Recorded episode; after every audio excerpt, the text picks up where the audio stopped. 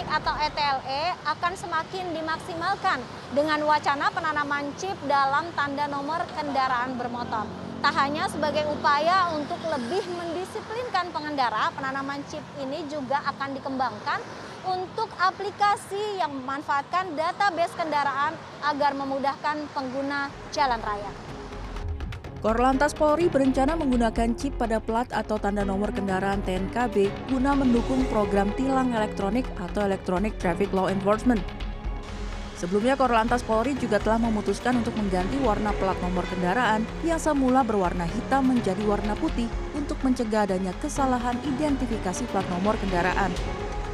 Penggantian warna dasar plat serta penanaman chip merupakan inovasi baru di bidang registrasi dan identifikasi kendaraan bermotor yang dilakukan karena kamera ETLE menggunakan dua cara dalam upaya untuk mengenal kendaraan, yaitu dari plat nomor yang digunakan atau Automatic Car Number Plate Recognition dan menggunakan teknologi Radio Frequency Identification atau RFID.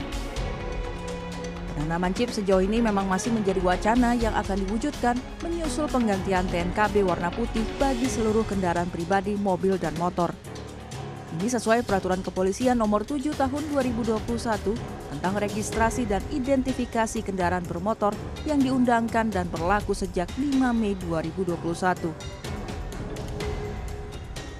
Kendaraan di sini, data kendaraan pribadi masuk ke sana. Kemudian juga nanti ada data chip itu data penegakan hukum. Ya, record dia pernah melanggar. Itu akan terbaca oleh ETLI semuanya. Itu ke depan. Ya. Ini tanpa membebani masyarakat.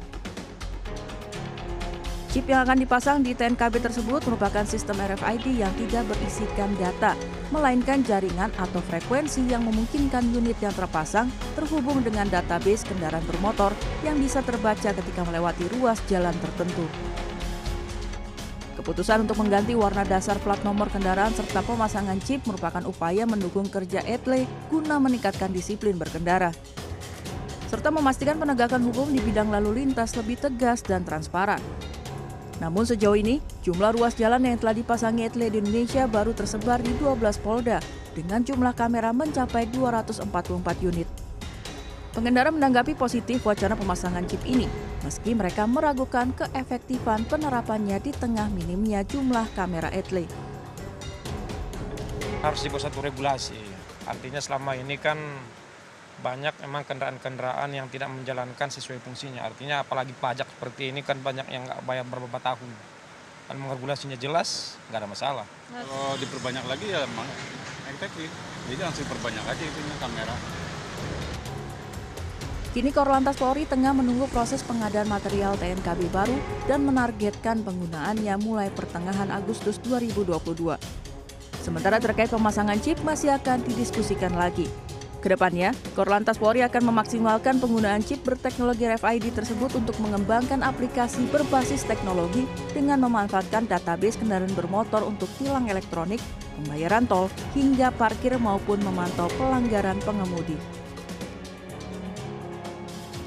Efektivitas penggunaan chip dalam plat nomor kendaraan bermotor akan menjadi pertanyaan yang muncul di tengah besarnya biaya yang mesti dikeluarkan.